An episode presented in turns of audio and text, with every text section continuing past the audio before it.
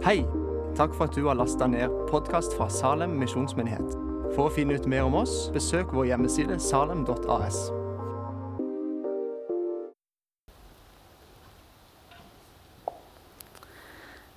Ja, mitt navn er altså Silje Kristiane.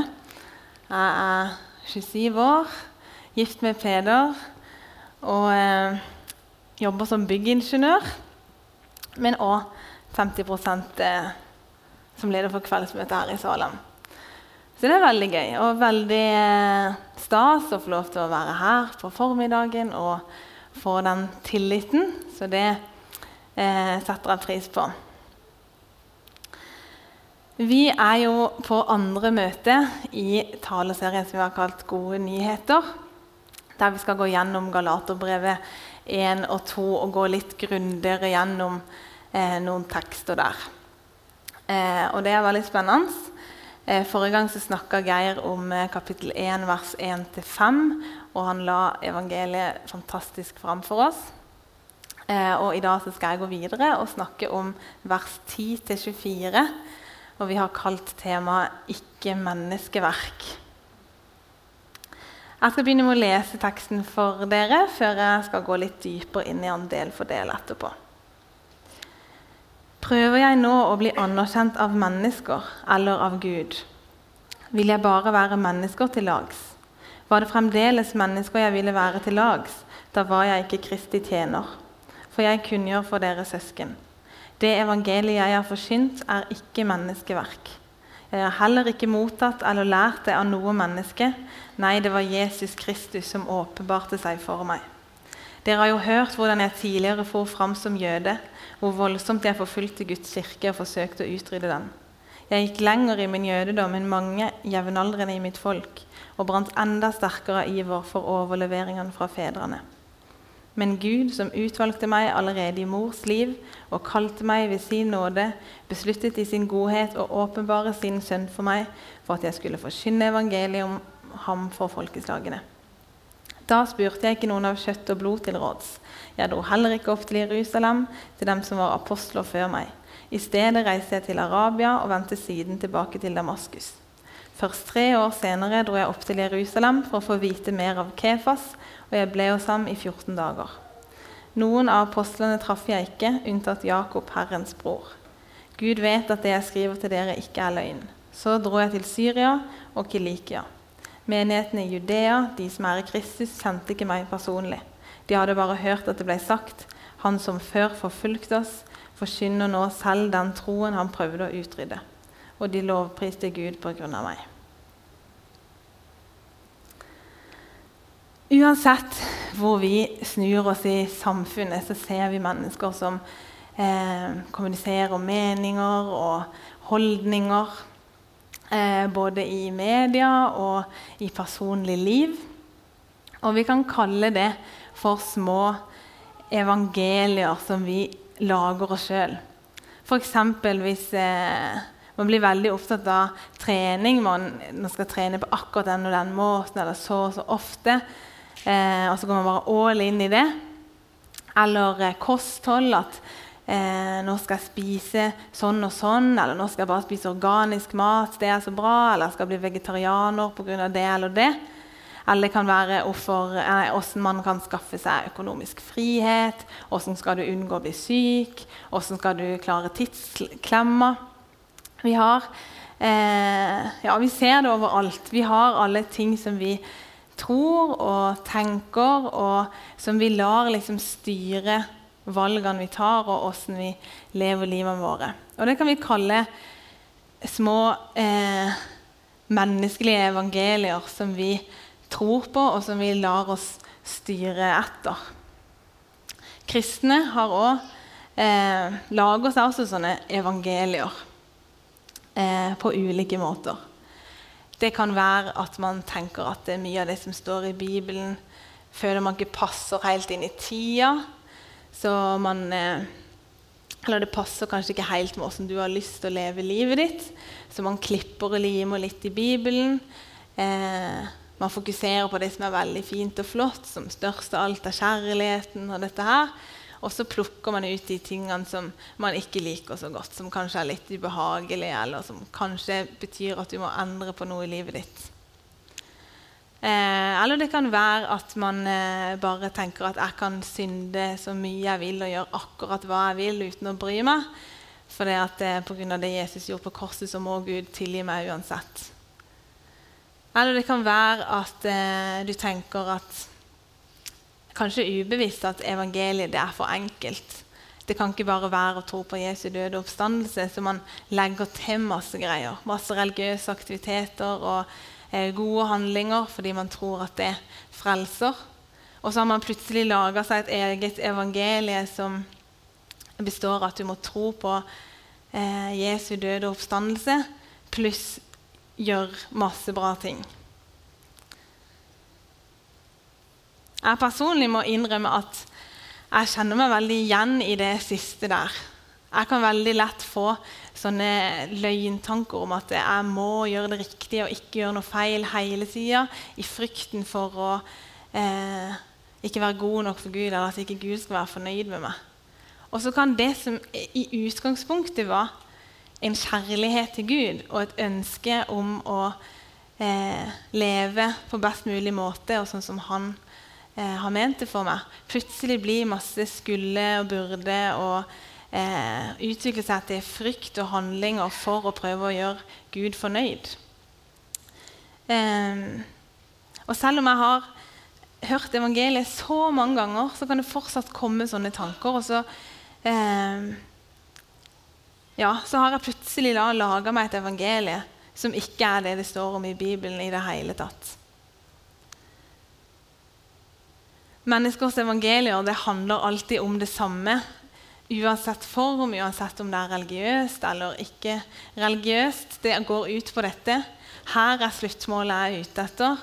Hva må jeg gjøre for å oppnå det?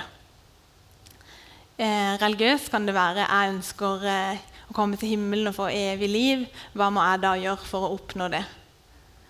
Og ikke-religiøst så kan det være at det er meninga med livet det er min egen nytelse og glede. Hva kan jeg gjøre for å oppnå det i livet? Menneskeskapte evangelier det sier kort sagt at dette er det jeg må gjøre for å komme dit jeg ønsker å være. Men ingenting av dette her er Guds evangelie. Ingenting av dette er sannheten. Dette er menneskelige evangelier skapt av mennesker. Menneskeverk. Paulus sier i vers 11 og 12.: For jeg kunngjør for dere søsken, det evangeliet jeg har forkynt, er ikke menneskeverk. Jeg har heller ikke mottatt eller lært det av noe menneske. Nei, det var Jesus Kristus som åpenbarte seg for meg. Paulus presiserer at det virkelige evangeliet, det sanne evangeliet, det evangeliet som han forkynner, det er ikke et sånt menneskelig evangelie som eh, vi har snakka om nå. Eh, det kommer ikke fra mennesker, og det er ikke noe han sjøl har funnet på. Og det argumenterer han for på følgende måte. Først så forteller han om sin fortid i vers 13 og 14. Dere har jo hørt hvordan jeg tidligere for fram som jøde hvor voldsomt jeg forfulgte Guds kirke og forsøkte å utrydde den. Jeg gikk lenger i min jødedom enn mange jevnaldrende i mitt folk og brant enda sterkere av iver for overleveringene fra fedrene. Paulus han forfulgte og drepte kristne, og han var ivrigere enn de fleste andre. Han var fiendtlig mot kirka og mot kristendommen og ville utrydde den. Og det, Dette bruker Paulus som argument for at ikke det er noen sjanse i havet for at det han forkynner, kommer fra hans egen tanke, og at det dermed er menneskeverk. For det budskapet som han har nå, er stikk motsatt av det eh, han drev med i sitt tidligere liv. Han som eh, før prøvde å utrydde eh, eller den, ja, den Kristus som han var før så imot, den står han nå og forkynner. Han som ikke hadde noen problemer med å stå og se på kristne martyrer dø, han er plutselig nå en kristen sjøl. Paulus argumenterer også for at han ikke bare var en utsending fra apostlene som hadde fått sitt budskap fra de, Eh, og dette har med Paulus' autoritet å gjøre i hva han sier. Han var ikke bare blitt utsendt av noen andre, men han var blitt direkte utsendt og kalt av Gud. Og Det gjør også Paulus til en apostel og taler for hans autoritet. Eh, han var direkte eh, sendt fra Gud. Og Da viser han til den eh, opplevelsen som han hadde på vei til Damaskus, eh, der Jesus viste seg for ham, snakka direkte til ham og eh, kalte ham. Og så går han rett etter det og begynner å forkynne evangeliet med en gang. Eh, det ser vi i Apostelens gjerninger 9. Han ble noen dager hos disiplene i Damaskus, hvor han straks forkynte Jesus i synagogene og sa han er Guds sønn. Det er én ting å lære noe, men det er når man skal lære det bort, man virkelig skjønner om man har forstått det. Og Paulus han begynte med en gang å forkynne evangeliet og lære bort til andre. Hvor fikk han den forståelsen fra? For han sier, 'Da spurte jeg ikke noen av kjøtt og blod til råds.' 'Jeg dro heller ikke opp til Jerusalem, til dem som var apostler før meg.' 'I stedet reiste jeg til Arabia og vendte siden tilbake til Damaskus.' Først tre år senere dro jeg opp til Jerusalem for å få vite mer av Kefas, og jeg ble hos ham i 14 dager. Paulus hadde ikke sin dype forståelse for evangeliet og for nåden av apostlene. Han hadde ikke blitt trent opp av apostlene. Det var ikke før tre år etterpå at han dro til Jerusalem og fikk vite mer av Kefas, som er Peter. Og Uten å ha satt meg inn i den teksten og eh, sett på hva Paulus egentlig sier her, så har jeg tenkt på det mange ganger at utrolig fascinerende hvordan Paulus bare plutselig, helt ut av det blå, bare liksom skjønt alt. Og bare forstått det, sånn at han kan gå ut og plante masse kirker og forkynne evangeliet rundt omkring. Eh, det blir bare så tydelig for meg. Eh, og det er det som Paulus prøver å si i denne teksten her, at det ble åpenbart for ham. Apostlene de gikk med Jesus og de skrev ned det han sa og gjorde, fordi at de var der. De hørte han si det, de så han gjorde det. Paulus gjorde ikke det. Men han hadde den samme forståelsen og forsynte det samme evangeliet som det apostlene gjorde. Og Apostlene hørte det, og de var enige. Han forkynner det samme som vi forkynner. Paulus gikk ikke med Jesus, han ble ikke trent opp av apostlene. Og derfor så er Derfor så betyr det at Paulus har fått en åpenbaring fra Jesus, og at det evangeliet han forkynner, ikke er menneskeverk. Men Paulus' vitnesbyrd viser ikke bare at evangeliet ikke er menneskeverk, men eh, det sier også noe om hva evangeliet eller sier noen aspekter om hva evangeliet og hva nåden er. Paulus hadde gjort mange grusomme ting. Han hadde forfulgt Guds kirke, prøvd å utrydde han. Han var fylt med hat. Han fortjente på ingen måte eh, frelsen eller et møte med Jesus. Men det er der Guds evangelie skiller seg så veldig fra de menneskelige evangeliene. For i stedet for å måtte gjøre noe for å komme dit man ønsker å være, så er det virkelige evangeliet så Kristus-sentrert at vår rolle blir ganske passiv.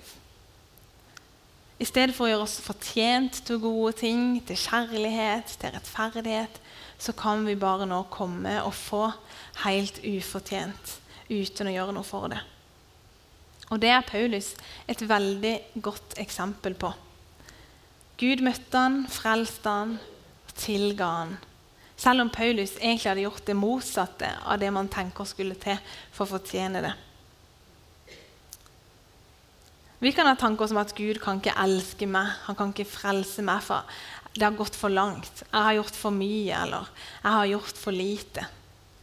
Men hvis Gud kunne frelse Paulus, som drepte og utrydda hans kirke, og var ivrigere enn de fleste andre, da kan han òg frelse deg. Men Paulus var ikke bare en som utrydda kristne. Han var mer enn det. Han var en fariseer. Han var en skriftlærd, en dyktig teolog. Han var en jøde med mye kunnskap som var høyt oppe i systemet. Eh, han sier jeg gikk lenger i min jødedom enn mange jevnaldrende i mitt folk og brant enda sterkere av iver for overleveringene fra fedrene, i vers 14. Overleveringene fra fedrene det er Moseloven. Og Paulus han eh, hadde memorert hele Moseloven. Han var ivrigere for Moseloven enn de fleste andre. Han kunne hele loven på rams.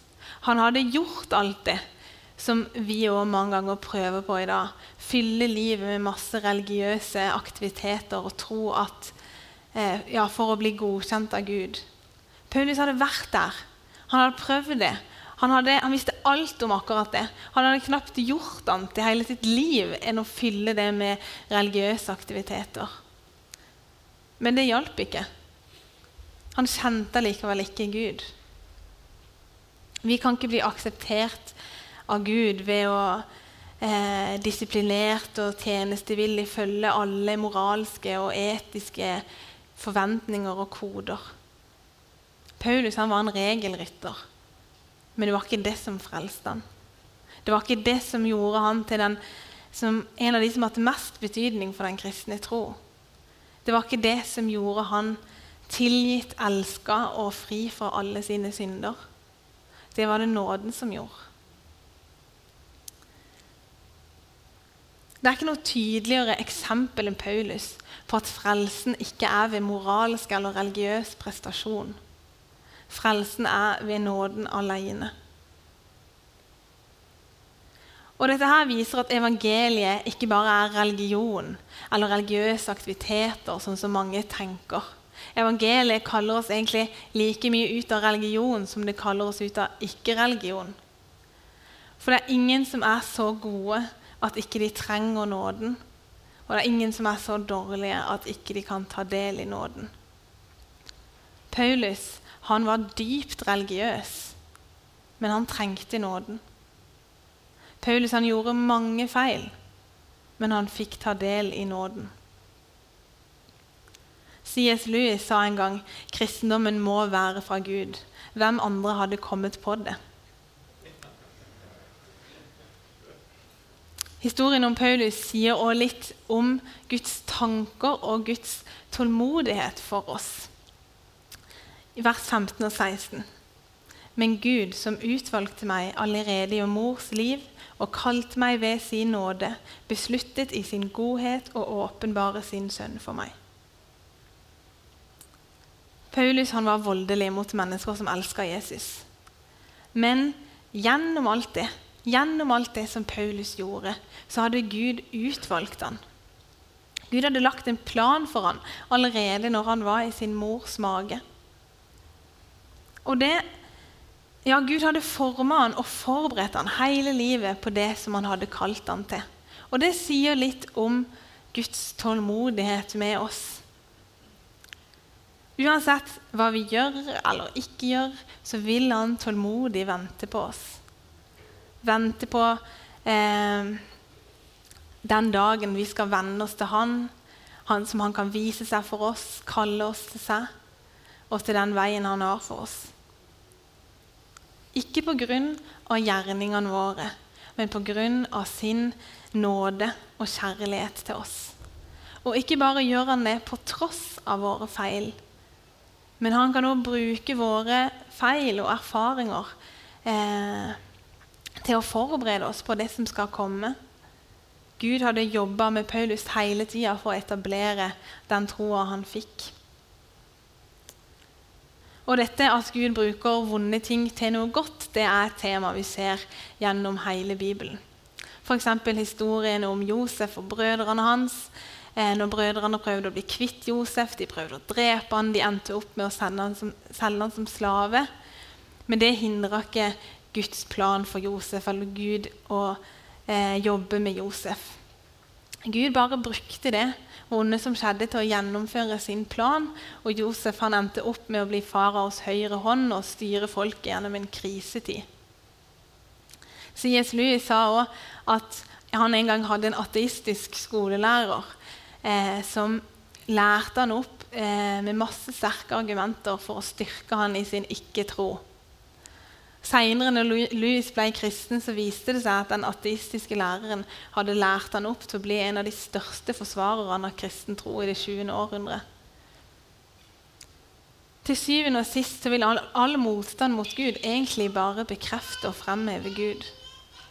Fordi Gud er ikke begrensa av våre feil og eh, ja, våre dumme handlinger. Gud elsker oss på tross av det, og så kan han bruke det til noe godt. Og så ser vi at det står 'beslutta i sin godhet å åpenbare sin sønn for meg'. På engelsk står det 'pleased to reveal his son to me'. Det behager Gud, skaperen av hele universet, å åpenbare sin sønn til Paulus. Gud blir glad. Gud hadde tålmodig venta gjennom alle Paulus sine dumheter, blasfemier og voldeligheter mot sitt folk. Gud hadde tålmodig sittet og sett på uten å gjøre Paulus noe vondt. Han hadde latt han holde på. Og så, på vei til Damaskus Etterpå Gud hadde gleda seg til den dagen. Så med masse glede så åpenbarer Gud Jesus for Paulus.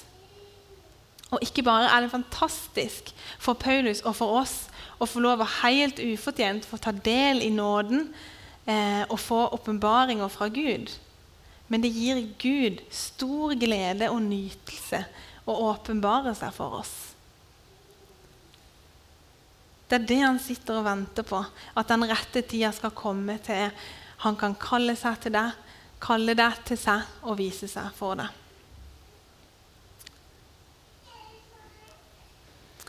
Vi har nå snakka litt om hva menneskelige evangelier er. Hva, eh, at Paulus, det evangeliet Paulus forkynner, ikke er eh, menneskeverk, og hva evangeliet og nåden går ut på. Vi skal bevege oss litt videre i teksten og snakke litt om åssen livet i Guds nåde kan se ut.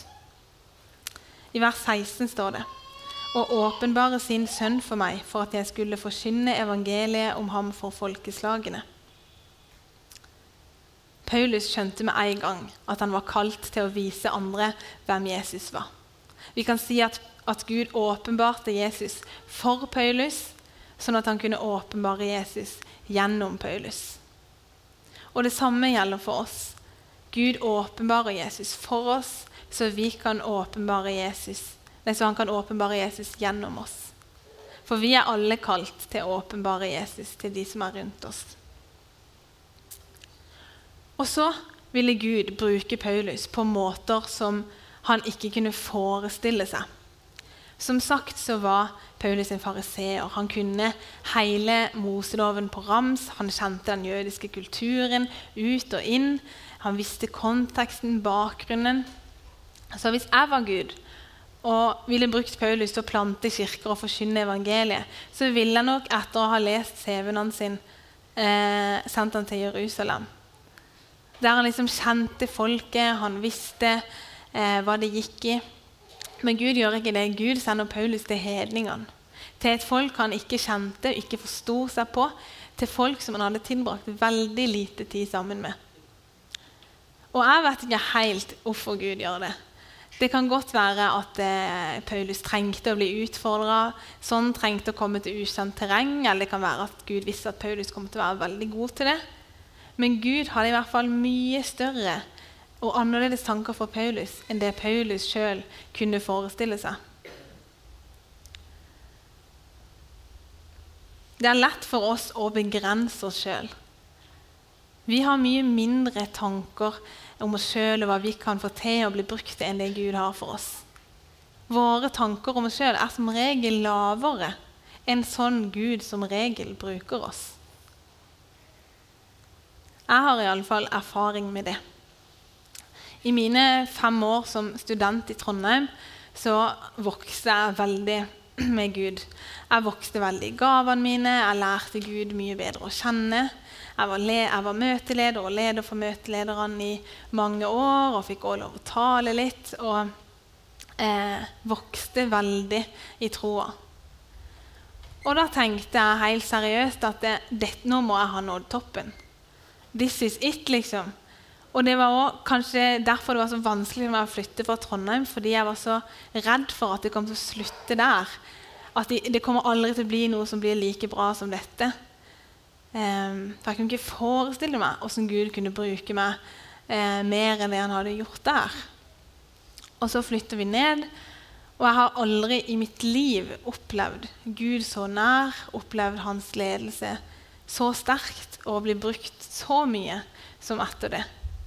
Før vi, aldri, før vi i det hele tatt hadde vært i et møte her i Salem, så ble jeg med i møtelederteamet på kveldsmøtet. Og etter ett år så var jeg leder for teamet, og etter ett og et halvt år så var jeg plutselig leder for hele kveldsmøtet i 50% stilling. Og ikke bare skjedde det, men jeg føler at jeg løfta en eneste finger. Jeg følte jeg bare gikk i ferdiglagte gjerninger, og jeg bare kjente Guds sterke ledelse gang etter gang. Og selv om jeg, eh, jeg er utdanna byggingeniør, og selv om jeg alltid har kunnet tenkt meg å jobbe i menighet, så hadde jeg aldri i min villeste fantasi trodd at jeg kom til å være her som jeg er i dag. Gud har bare brukt meg så langt utover mine egne tanker for meg sjøl. Og så kan jeg fortsatt tenke dette må være toppen. This is it. Åssen i huleste skal Gud bruke meg mer enn han har gjort nå? Og så er det det som er så spennende, for jeg vet at det ikke er det. Jeg vet at han kommer til å fortsette å bruke meg. Kanskje ikke til det samme, men til noe. Han kommer til å fortsette å utfordre meg og fortsette å lede meg og føre meg nærmere og nærmere han. Du har fått masse gaver og talenter av Gud. Og Gud vil bruke deg, dine erfaringer, dine feil, dine styrker. Han vil bruke deg til ting du ikke kan forestille deg noen gang. For Guds planer og tanker for deg er så mye større enn dine egne. Og Gud bruker deg der du er. Du har blitt dratt mot spesifikke hobbyer, vaner, posisjoner, eh, nabolag, for at du skal reflektere Jesus der som du er. Nyt det livet du har fått, og se perspektivet på det. Vær bevisst på de omgivelsene du har, og de menneskene som er rundt deg. Øv deg på å lytte til Gud og kjenne igjen hans ledelse i livet ditt. Og vis lydighet til der Gud har plassert deg, altså den han eh, har tenkt at du skal være. Noen er kanskje eh, i ny livssituasjon. Ny jobb eller ny by, eller eh, Reflektere over, være åpen over hvor Gud vil bruke deg nå. Hvem skal du være her? Hvem trenger menneskene rundt deg at du er? Og Hvis du nå tenker ja, jeg må bli bedre på det og det, ja, det er sant, det er jeg ikke så god på, det må jeg bli litt bedre på, og så lager du den sånn burde-skulle-liste oppi hodet ditt. Så misforstå meg rett, jeg sier selvfølgelig dette fordi jeg mener at vi skal være bevisste og åpne for Guds ledelse i livene våre. Men så må vi også huske hva evangeliet er. Og evangeliet er ikke å fylle opp med masse religiøse eh, aktiviteter for å tro at, at Gud godkjenner oss mer. Evangeliet er å hvile i Jesus, og så vil det lede til handlinger. Ikke la meg gjøre for å bli, men fordi jeg er, la meg gjøre. Kristne vil lytte til Gud og adlyde Gud, ikke fordi at Gud skal frelse dem, men av takknemlighet til Gud fordi han allerede har frelst dem. Paulus han henvender seg til og forteller om sitt tidligere liv i denne teksten. her. For det skjedde en forandring med Paulus. Og for evangeliet, Guds evangelie det kan noe som ikke våre menneskelige evangelier kan. Som ikke all innsats og disiplin kan. Det, kan, det har makten til å forandre vårt nåværende liv om til et tidligere liv. For når vi får et møte med Gud, så kan Gud gjøre en forandring i livet vårt som vil forandre livet vårt så mye at vi vil se på det som har vært, som et tidligere liv. Noen opplever brå omvendelser fra et liv uten Gud til et liv med Gud. For andre så kan man ikke se det tydelige skillet. Det kan enten være fordi man har eh, levd sløvt og faktisk ikke har vokst eller hatt noe utvikling med Gud. Men det kan òg være fordi man faktisk har vokst sakte, men sikkert i en helliggjøringsprosess. Og hvis man plutselig ser tilbake fem år, eller ti år eller 20 år, så ser man at jeg var jo faktisk ikke den samme da. Gud har jo faktisk jobba med han har faktisk forandra meg. Jeg har òg et tidligere liv. Gud har evangeliet har forandra meg, ikke brått, men gradvis. Uansett åssen du var når du kom inn hit i dag, så trenger du ikke å gå som du kom. Når du tar imot evangeliet, så kan du også snakke om ditt tidligere liv. For du vil bli forandra. Du vil gå fra dine egne evangelier, hva enn det har vært i ditt liv, som har handla om at man må eh, gjøre noe for å oppnå det man vil, til Guds evangelie. Der du ikke trenger å gjøre noe eller fortjene noe for å få Guds kjærlighet og nåde. Det avhenger av hva du har gjort eller ikke gjort. Det er Paulus et veldig godt eksempel på. For Gud gir oss ikke nåden fordi vi fortjener det, men fordi han finner glede og nytelse i å gjøre det. Gud elsker oss ikke fordi vi er flinke, disiplinerte eller tjenestevillige. Han elsker oss bare fordi han elsker oss. Dette er den eneste type kjærligheten som ikke går an å miste. Dette er nåde. Kanskje så er du her i dag og så kjenner du at det, du har ikke noe tidligere liv, eller du har ikke latt evangeliet forandre livet ditt. Kanskje så er det fordi du ikke har sluppet Gud virkelig inn ennå. Kanskje så har du eh, ditt eget evangelie som handler om Gud pluss alt det du kan få til. Kanskje så er du ikke vant til å være i kirka, eller kanskje har du vært her mange ganger, men du har ikke klart å hvile i Guds nådes evangelie. Kanskje så gjør du mange ting og streber for at Gud skal like deg bedre. Kanskje så kjenner du ikke Gud, eller kanskje så har du gjort mye du ikke er stolt av, sånn som Paulus. De gode nyhetene til deg er at tilbudet er på bordet. I dag kan ditt liv bli ditt tidligere liv, sånn som Paulus omtaler sitt. For til Gud så kan du bare komme, bare hvile, bare få, bare være uten å gjøre noe for det, uten å fortjene det. Og det gode er at han kan bruke alle dine erfaringer, både gode og dårlige, til noe godt. Hvis du kjenner på noe av dette her, og du har lyst til å eh, snakke med noen eller bli bedt for, så kommer det til å være åpent for forbønn etterpå. Eh, så benytt deg av det. Kanskje så har du lyst til at eh, det livet du har levd til nå, fra i dag, skal være ditt tidligere liv. Det vil i så fall gi Gud stor glede. Kjære Gud, jeg takker deg for det fantastiske evangeliet som du har gitt oss. Takk for at hos deg så handler det ikke om gjerninger, det handler ikke om å strebe. Det handler bare om å komme og være. Jeg ber om at vi virkelig skal forstå det i dag, Jesus. At vi skal bare kjenne på en sånn hvile i det. Og så bare ber jeg Jesus om at du må fortsette å forandre oss. Fortsette å virke i oss og fortsette eh, å utvikle oss sånn at vi kan vokse nærmere og nærmere deg. Takk, Jesus, for nåden. Ja. Amen.